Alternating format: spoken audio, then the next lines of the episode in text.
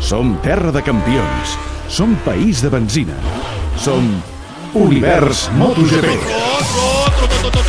Arrenca MotoGP, ara, quan us ho diem nosaltres, els de Catalunya Ràdio. 19 transmissions. Meravellós, apoteòsic i animalístic. Algú viu amb més passió que nosaltres? Això és espaterrant. Et portem el Mundial a casa. Márquez, Maverick, Maverick, Pedrosa, Aleix, Pol, Rins, Rabat. Jo vull que guanyi un català. 5 temporades transmetent totes les curses en directe. Op, op, op. Follow the leader, follow the champion. Som Univers MotoGP. El Mundial és nostre. Sa, sa, sa, i gas, i gas. Localitzat. Circuit de Jerez. Quarta prova de la temporada. Gran Premi d'Espanya.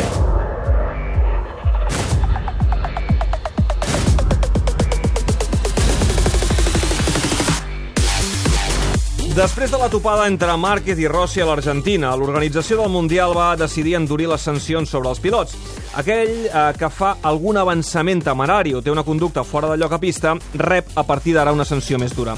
I el que penso és que tot continuarà igual, que els pilots seguiran fent avançaments temeraris, seguiran donant gas a fons, jugant-se-la a cada revolt. Aquí ningú anirà més lent o evitarà el contacte apretant el fre, perquè quatre sancions no canviaran l'ADN d'un esport que sovint va al límit. Torre de control, David Clopés. Bona tarda, dos quarts de dues i obrim l'univers MotoGP. El Mundial a terra Europa i ho fa a Jerez, el Gran Premi d'Espanya. Un Mundial obert, amb els tres primers, Dovizioso, Márquez i Viñales, separats només per 5 punts. Jerez, terra de Lorenzo, de Pedrosa, de Rossi, circuit que se'ls dona bé i on volen recuperar el temps perdut.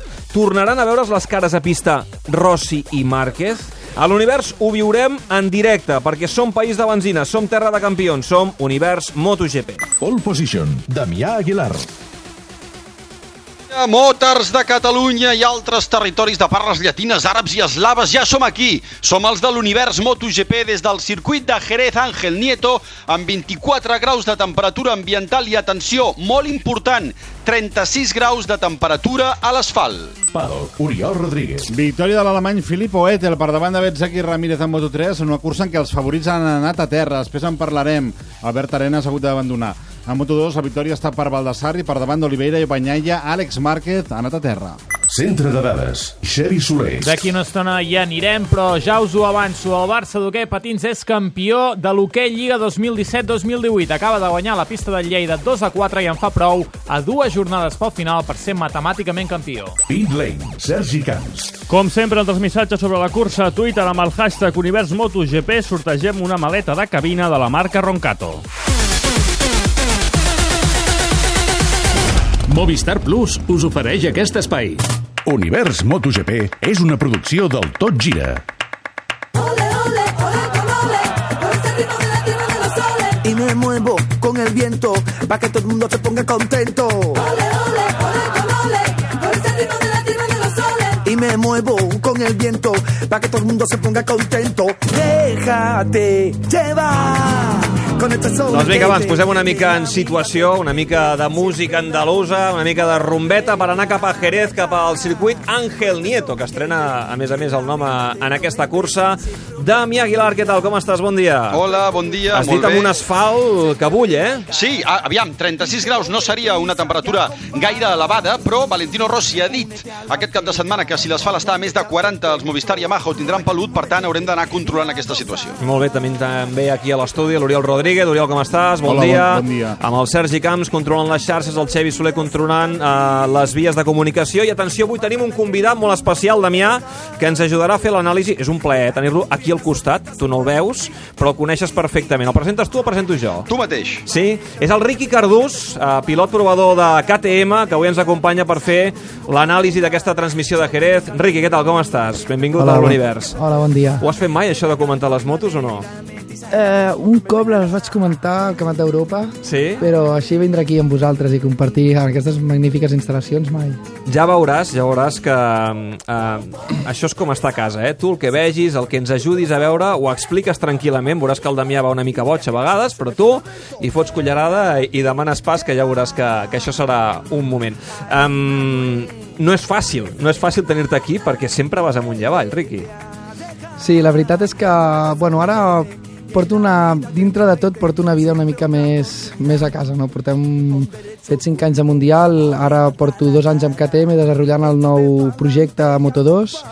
Ara justament aquest any anem molt liats fent la moto de l'any que ve, el Motor Triumph i, i bueno, la setmana I que ve... t'estàs provant eh, la moto que serà la moto de, de la pròxima temporada de KTM, eh? Sí, la moto que avui ha fet segon amb el Miguel l'he dissenyat tot allò, junt amb el Julito, alguns cops el Julito Simón m'acompanya, però pràcticament quasi tots els testos m'ha tocat fer-los bastant sol i, i bueno, la veritat és que, que és supermaco veure que com m'has vist néixer una moto perquè puc, puc dir això, que he vist néixer aquesta moto des del primer dia l'he tret del forn fins que l'hem vist pujar al podi i, i lluitant per aquest any espero que lluiti per guanyar el Mundial. I si hi ha una KTM que al Mundial doncs, falli, tu ets el primer en entrar, eh? ets el primer que entra a pilotar. Per Sí. tant, sempre allò a, a l'espera del que pugui passar. Sí, tinc que, estar, tinc que estar bé. Aquest any no m'ha donat...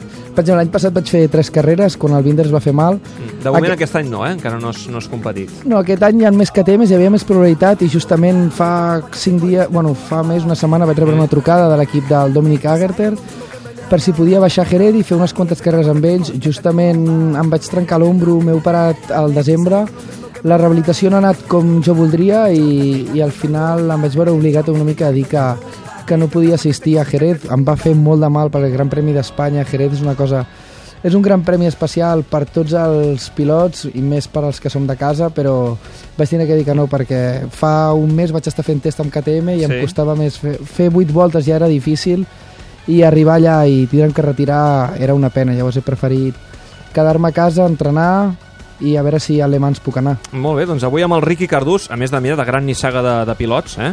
Sí, sí, sí. I, eh, aviam, el, el seu oncle, el Triniti, està per aquí, a Jerez, El això Carles segur. Cardús, un mite. El Carles l'he vist aquest cap de setmana. i Que l'havien mateix- tingut, eh, un tiet, el vam tenir aquí també un dia, oi, Damià? Sí. Comentant curses, també, ara segurament, segurament ha estat el, el, el comentarista que més ràpid ha arribat a És la veritat, ràdio de tots els que hem tingut mai. Molt bé. Ara de seguida ens hi posem i comentem, uh, comencem a analitzar aquesta cursa de MotoGP d'avui, però deixeu-me que me'n vagi fins a Lleida, fins al pavelló 11 de setembre. Ara ho deia el Xevi, el Barça d'hoquei patins acaba de guanyar la Lliga. Sabíem que si avui guanyava la pista del Lleida, de Lleida Llista Blava, ja seria campió i hem enviat la Montse Mir. Montse, com estàs? Bon dia. Hola, bon dia. I ja és un fet, el Barça ja té la Lliga al sac a falta de dues jornades. 2 a 4 ha guanyat el Lleida, cinquena lliga consecutiva de l'equip Laurana que suma 75 punts, una lliga realment impecable, 24 victòries, 3 empats i fins ara només una sola derrota al Barça que s'ha proclamat eh, campió de lliga quan encara queden dues jornades més perquè s'acabi el campionat. Els jugadors del Barça ara són al vestidor. El Barça que ja guanya la Lliga. Montse, doncs et deixem anar a vestidors a buscar reaccions d'aquesta Lliga. El Barça, per cert, que si guanya la Lliga Europea, si no m'equivoco, podria fer el ple aquesta temporada, no? Ha aconseguit de moment tres títols, els Sí. tres als quals ha optat. La Supercopa Espanyola va guanyar la final contra el Voltregà per 4-0, també va guanyar la final de la Copa, en aquest cas contra el Liceu, per 2-1, ha guanyat la Lliga i li queda un altre títol en disputa, un, segurament un dels títols més esperats, fa uns anys que no la guanya, que és la Lliga Europea, dissabte que ve semifinals contra el Reus, l'actual campió d'Europa. Molt bé, Montse, doncs et deixem anar a vestidors. Ja ho sabeu, és la notícia. Aquest migdia el Barça d'hoquei patins ja és campió de Lliga. Per cert, passo pel nou estadi perquè li quedaran poquets minuts al partit del Nàstic, segona divisió, que està jugant a casa contra l'Ossassuna. Carles Vila, nou estadi de Tarragona, què tal? Bon dia. Bon dia. Doncs, Avui eh, s'escaparan els punts, eh? Sí, sí, sí, sí, vaja, si no hi ha un alt davall per part de l'Ossassuna, guanya 0-2 al conjunt navarrès, un partit estrany, marcat per la polèmica que hi ha hagut en el segon gol del conjunt navarrès a la primera part, al 42, perquè de fet tots els jugadors s'havien quedat aturats pensant que era fora de joc, que havia aixecat la bandera al línia, però l'àrbitre no xiulava, eh? ho ha aprofitat Torres i ha marcat el gol. A partir d'aquí això els hi ha fet molt de mal, eh, molts de nervis a la segona part, massa pressió buscant la porteria contrària. De fet, doncs, tampoc han fet gaires mèrits per aconseguir eh, doncs, algun resultat millor. Això farà que es quedin a 4 punts un altre cop de la zona de descens, però vaja, esperem que acabi el partit ara 38 d'aquesta segona part amb aquest 0-2 guanya l'Ossassuna al Nàstic. Tenim un partit de primera divisió en joc. El Màlaga, que ja fa setmanes que és de vacances, juga a casa contra l'Aves. 38 també de la segona part, Màlaga 0, a l'Aves 3. A les dues comença aquesta cursa, el Gran Premi d'Espanya de MotoGP. Damià, avui amb un, amb un homenatge a Ángel Nieto, eh, perquè aquest circuit ja passa a dir-se circuit Ángel Nieto. Sí, tenia un revolt, Ángel Nieto en aquest circuit, un, un dels revolts famosos, el número 9, i s'ha decidit encara fer-li més gran homenatge i ara, a més a més de tenir el revolt, ja té tot el circuit i dijous es va descobrir un gran bus de 4 metres en un dels eh, accessos. A més a més, dins de tot plegat, i això ha estat però no una cosa oficial, sinó una cosa més de, sorgida de les xarxes socials, doncs eh, s'ha proposat que a la volta 12 més 1 de cadascuna de les tres curses avui doncs la gent faci un aplaudiment I ho han fet l'estil- a Moto2 i ho han, Moto3? ho han fet Sí? Moto2 i en Moto3 de l'estil dels eh, aplaudiments del eh, minut eh, 17-14 per entendre'ns Ja, eh? ja ho entenc, ja ho entenc. Escolta, club de fans, avui són tots aquí, no? Eh, sí, la majoria, la majoria. Un, un, eh, et diré una cosa, segurament el club de fans que més gent ha portat aquí aquest cap de setmana és el de Marc Márquez. Hi ha 1.000 persones en una graderia específica, hi ha 200 persones en una altra graderia específica del club de Jorge Lorenzo, hi ha una trentena de persones en un punt específic de Maverick Viñales i, eh, curiosament, aquest és l'únic circuit del Mundial, juntament amb Qatar, en què el club de Valentino Rossi no té una graderia específica per ficar la seva gent. Si vosaltres poguéssiu tenir una visió general de totes les graderies, el que es veu normalment i generalment és moltíssima varietat, tothom està barrejat. Eh, ara que comentes el nom de Rossi, ha passat ja un mes del Gran Premi polèmic de l'Argentina. Les coses s'han calmat, tu que ets aquí des de fa dies a Jerez? Sí, les coses estan calmades. Mira, mira com riu el Riqui, eh? està rient, eh? Les coses, les coses estan calmades. Sí. Alguna pregunta encara li fan a, a Valentino, però vaja, eh, o fins i tot al Marc, però les coses estan calmades. Veurem què passa. Jo estic just davant del podi. Mhm. Potser després hi ha una xiulada al podi contra un o contra un altre. No Clar. se sap, però això podria passar. Perquè. Riqui, um, tu creus que, és un dels debats que hi ha, el que va passar a l'Argentina entre Rossi i Márquez és bo pel Mundial o és dolent pel Mundial? Ho dic perquè és veritat, hi ha una part en què la gent ara està més pendent del que passa a les motos després d'aquesta picabaralla entre un i l'altre. Però clar, el que es van dir un i l'altre tampoc ajuda a l'esportivitat. Tu com ho veus? Bueno, la veritat és que hi ha molts interessos en, a, en tots els esports, no només amb les motos, i aquí pels sponsors, per Dorna, per tot, volem visibilitat. Clar. I crec que l'esport de la moto és un esport molt maco, molt sa, i, i crec que amb aquestes coses pues, es veu una cara bona i una cara no tan bona. Però bueno, eh, jo ho entenc com a pilot, quan et poses el casco a davant no hi ha, no veus res, i és que jo sempre ho dic, no és que em posi a favor ni d'un de l'altre, però és que en aquell moment el Marc, si el seu germà estigués corrent amb ell a MotoGP i hagués sigut el Valentino... Hagués fet el mateix. Hagués fet el mateix. El Marc és un guanyador i en aquell moment no pensa qui hi ha davant i, i qui hi ha darrere. I hagués fet exactament el mateix. Va donar la coincidència que era el Valentino, va donar la conseqüència que portem uns anys una mica tensos amb aquest tema i va passar. La veritat és que no l'excuso. Hi ha vegades que sí que està arrossant una mica al límit, però és un guanyador eh, i ho ha demostrat sempre. I amb aquest, en, en, en aquest aspecte ens hem de treure el sombrero i, i que ens brindi moltes carreres així. Potser no tant tant al límit, però l'entenc perfectament. Uh, un Marc Márquez que Oriol Rodríguez no és líder del Mundial. Repassem aquesta classificació com la tenim després de les primeres curses i ara tot just que arribem a, a Europa. Andrea Dovizioso és líder, només un punt de diferència respecte a Márquez. Dovizioso 46, Márquez 45, Maverick Viñales en té 41, Zarco en té 38, Cratchlow, que avui surt des de la Pol 38, Iannone 31, Valentino, per exemple, 29, mentre que Dani Pedrós el trobem amb 18 punts i me'n vaig fins a la quinzena posició per trobar Lorenzo amb només 6.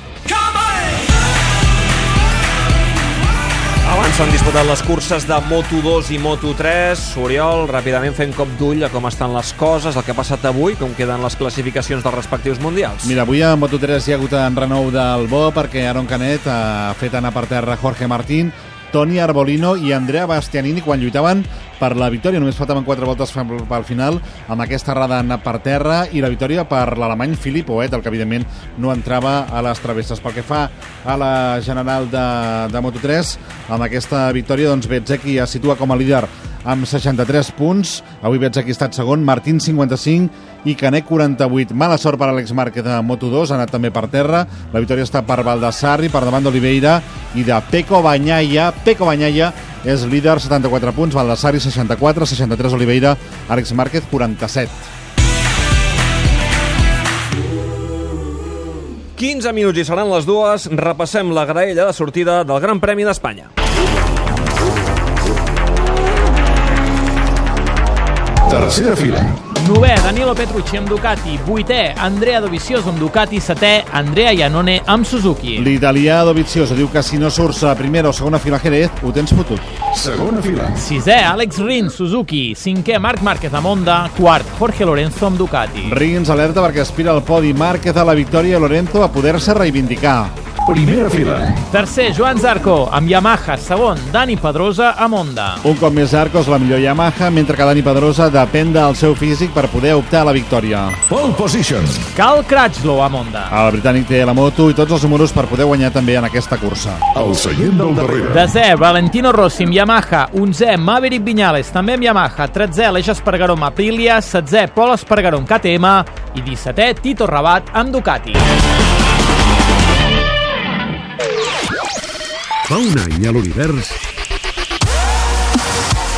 Semàfor a punt, això és MotoGP, 28 graus de temperatura, 40 a l'asfalt i comença la cursa amb Dani Pedrosa des de la pol i arribarà el primer en el primer revolt, ho aconsegueix segona posició per Márquez, tercera per Andrea Iannone que guanya posicions, compte, compte, compte ara mateix, han caigut Miller i Bautista i Miller Oh, ha agredit, Miller acaba d'agredir Álvaro Bautista en un dels revolts, una altra caiguda, un KTM, crec que ha estat Pol Espargaró, caigudes en el mateix revolt, primer Cratchlow, efectivament, Pol Espargaró també caiguda i caiguda de Tito Rabat en aquests moments, cau Rabat i queda fora de cursa, Jorge Lorenzo entra per dintre i supera, supera Johan Zarco, Jorge Lorenzo, Petrucci supera Valentino Rossi, desencís del líder, Valentino està enfonsat, Valentino està enfonsat, el 26 guanya, guanya Pedrosa, o en moda samurai, guanya Dani Pedrosa a Jerez.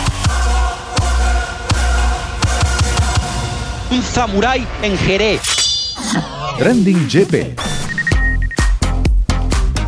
Com sempre, regalem una maleta Roncato entre els missatges sobre la cursa a Twitter amb el hashtag Univers eh, MotoGP, una maleta de cabina d'un color blau molt elegant. Teniu la foto al nostre Twitter, arroba totgira. El Joan Lavol hi ha enviat el seu Twitter, el seu tuit, diu avui és el dia que Pedrosa tot li surt bé i guanya el Gran Premi. El Nil Parés toca remuntada de Marc Márquez i la Mireia que defensa que avui té bona pinta un doblet d'Onda.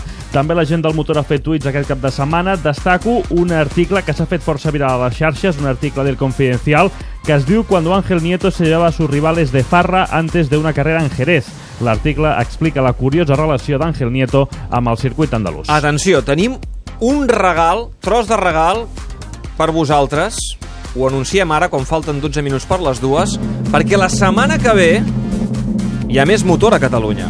Setmana que ve hi ha Gran Premi de Fórmula 1 al circuit Barcelona-Catalunya. I nosaltres, Sergi, tenim una entrada doble per a algú dels nostres oients. Sí senyor, un abonament per anar els 4 dies, eh? Els Dijous, quatre dies, eh? divendres, Compte. dissabte i diumenge a veure aquest gran premi, és un, un abonament de, de tribuna. Uh, I com el podeu aconseguir? Doncs entrant al web de Catalunya Ràdio, catradio.cat i contestant la nostra pregunta. Us preguntem de quin equip serà el pilot que guanyarà el Gran Premi de- d'Espanya. De, Durem quatre opcions, Mercedes, Ferrari, Red Bull o un altre equip. Ah, un altre equip, anava a dir-te, clar. No. Val, dones una opció d'un altre equip. Entre tothom que hi participi, el dimarts donarem el guanyador perquè tingui temps de planificar-se la setmana i el dijous ja poder anar a disfrutar d'aquest gran Entreu a catradio.cat i ja podeu participar-hi. Una entrada doble, un abonament doble per anar al Gran Premi de Fórmula 1 a Catalunya la setmana que ve.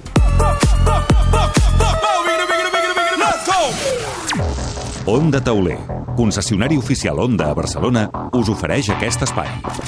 Moments universals. 11 minuts i la cursa. Uh, fa 31 anys que Catalunya Ràdio segueix el Mundial de Motociclisme. 31 anys seguint totes les curses del Mundial. Primer de la mà del Pere Flores i després del Damià Aguilar. A cada transmissió recordem algun dels grans moments viscuts en aquests 31 anys. Avui recordarem la cursa del Gran Premi d'Espanya del 2005 i aquell final explosiu que van protagonitzar Rossi i Sete Gibernau. La temporada 2005 al Mundial de Motociclisme comença a Jerez. El campió vigent és Valentino Rossi, ha guanyat el seu primer títol mundial amb una Yamaha pintada per una marca de tabac i estrena corona amb la Pol a la Catedral Espanyola del Motociclisme, amb el subcampió Sete Gibernau al seu costat, amb l'onda privada pintada de Movistar. Abans de començar la cursa es fa un minut de silenci en memòria del papa Joan Pau II, mort tot just la setmana abans. Però de Pau, en aquella cursa, no n'hi va haver gens ni mica. 21 riders with one sole aim. Victory at the opening round of the 2005 Championship. Away they go. And it Sete Gibernau i Valentino Rossi es disputen el lideratge només sortir. És el català qui s'estabilitza primer durant 24 de les 27 voltes de cursa, amb Rossi al darrere. A dues voltes pel final, però, l'italià es posa líder, fent un avançament al darrer revolt que decidiria la cursa poc després. És a la darrera volta quan una errada de Valentino li obre la porta a Gibernau per arribar al darrer revolt al davant fins que... Gibernau holds the pole position. They break for the left-hander. Rossi up the inside. Oh, they the touch! Oh, Rossi, Gibernau's running wide. Oh, Rossi's punting him off the track. Rossi's going to take victory in the Spanish Grand Prix. Gibernau, tot i rodar per la grava, pot tornar a pista i acabar segon. Al parc tancat la situació és molt tensa i fins i tot hi ha algun creuament de paraules entre membres dels equips. Rossi va justificar-se així. And, uh, I go wide and from He sortit de la traçada i allà ha començat la batalla de debò. Ens hem tocat dues o tres vegades i al final l'he avançat al darrer revolt. Ha estat un avançament al límit i segur que el CT està empipat, però així són les curses. Moltes gràcies. Thank you very much. Gibernau no va voler entrar en cap guerra. Em sento molt més trist pel públic que per mi mateix. Eh, El públic ha estat increïble i m'hagués agradat que tornar-los el carinyo i el suport amb, amb la victòria no ha pogut ser, però, però ja et dic, o sigui, estic més trist pel públic que per res més, perquè al, al final el campionat serà molt llarg, hi haurà moltíssimes curses i, i crec que ens hem de continuar concentrant amb lo, que, amb lo nostre, que és lo millor, i, i ho demano només, com, com t'he dit abans, que, que tots ens respectem i que ara, si, si es pot, doncs parlem de, de coses positives, que al final crec que estem fent moltes i deixem l'última part per, per un altre moment. Al final de la temporada, Valentino Rossi va sumar el seu segon títol mundial amb Yamaha i Sete Gibernau va acabar setè. Onda Tauler, diagonal cantonada Passeig de Sant Joan a Barcelona, us ha ofert aquest espai. Onda Tauler marca la diferència.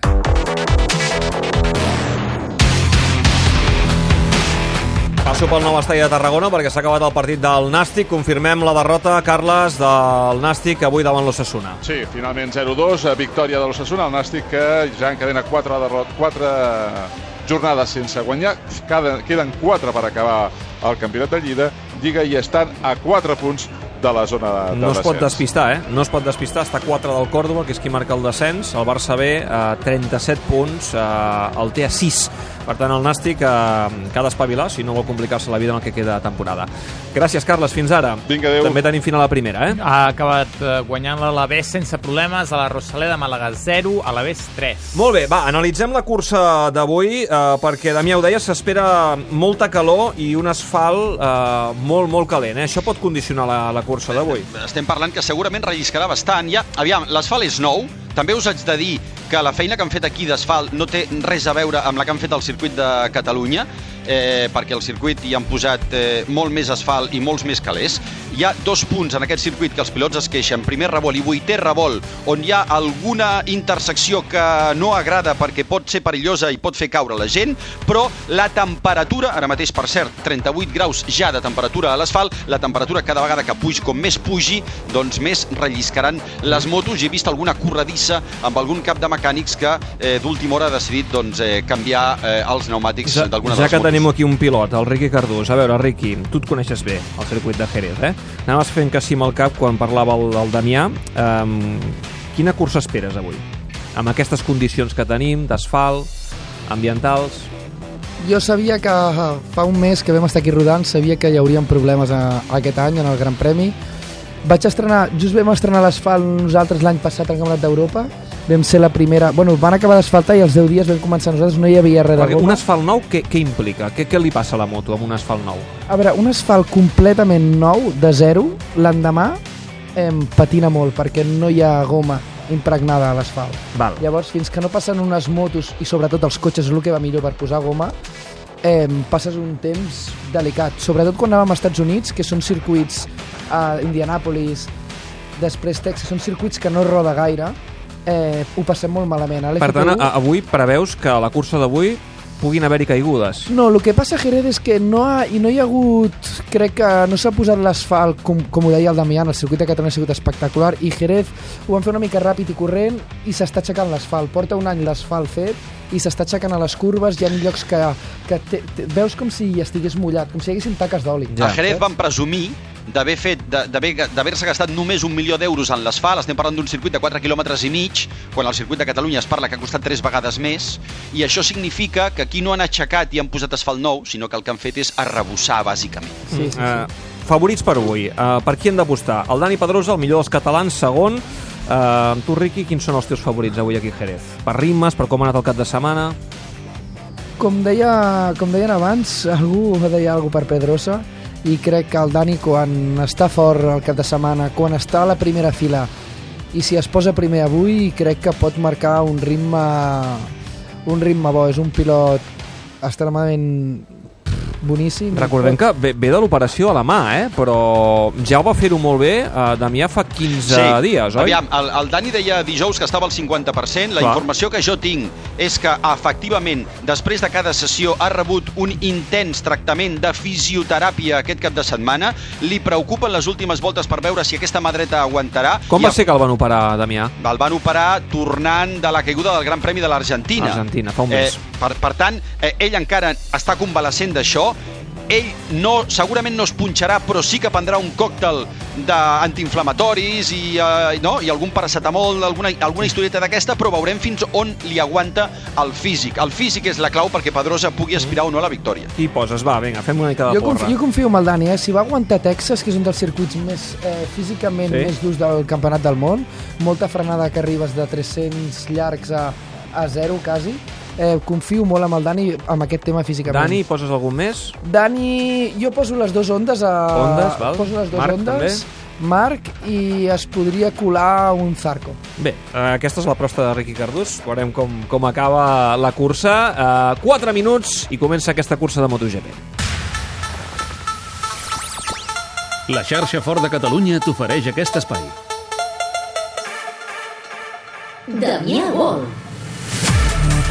De seguida comencem a explicar-vos el que passi en aquest circuit a Ángel Nieto, el circuit de Jerez. Eh, avui al Damià Wall us volem explicar que hi ha un pilot de Moto3, un pilot de Moto3 a qui podem relacionar, atenció, amb el Che Guevara.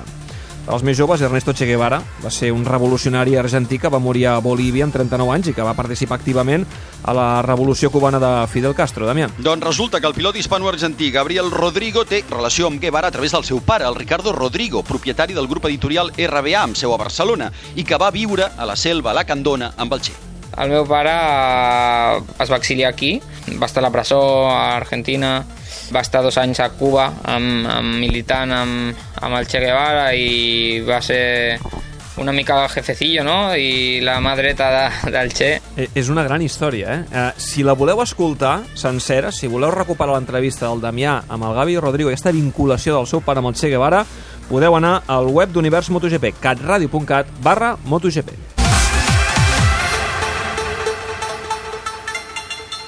Quan escoltes per primer cop... Tens un Ford Kuga amb motor EcoBoost per 17.950 euros. És com escoltar per primer cop T'estimo. o un... Sí, vull. Escoltar per primer cop tens un Ford Kuga amb motor EcoBoost per a molts el millor motor gasolina del món per 17.950 euros. És irrepetible. Finançant amb FCE Bank, condicions a Ford Ponès i només fins a final de mes. Xarxa Ford de Catalunya.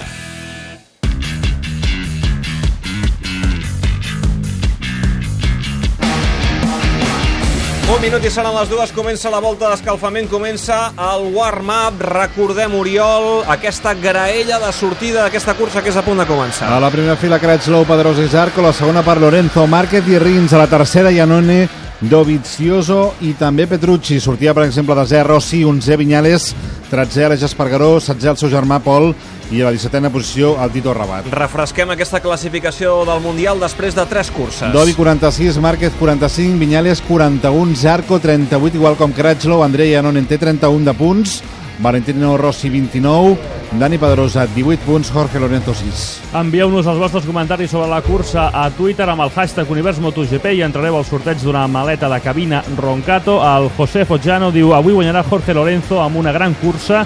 El Joan Llorenç, podi català, Maverick, Marc i Dani. I el Charlie, avui és el dia de Dani Pedrosa. Esperem que aguanti el dolor. Recordeu que tenim en joc ja des de fa, res, 30 minuts, eh, un abonament doble per anar a veure el Gran Premi de Catalunya de Fórmula 1 cap de setmana que ve. Entreu a catradio.cat. I contesteu la pregunta de quin equip serà el cotxe que guanyarà la cursa del Gran Premi de, de Catalunya. Mercedes, Red Bull, Ferrari o un altre equip. I ja sabeu la notícia amb la que hem obert avui a Univers MotoGP, el Barça d'hoquei patins ha guanyat avui a la pista de Lleida i ja és matemàticament, a falta de dues jornades, campió de l'hoquei Lliga d'hoquei patins. Lleida 2, Barça 4, ja han celebrat el títol a la pista de l'11 de setembre de Lleida.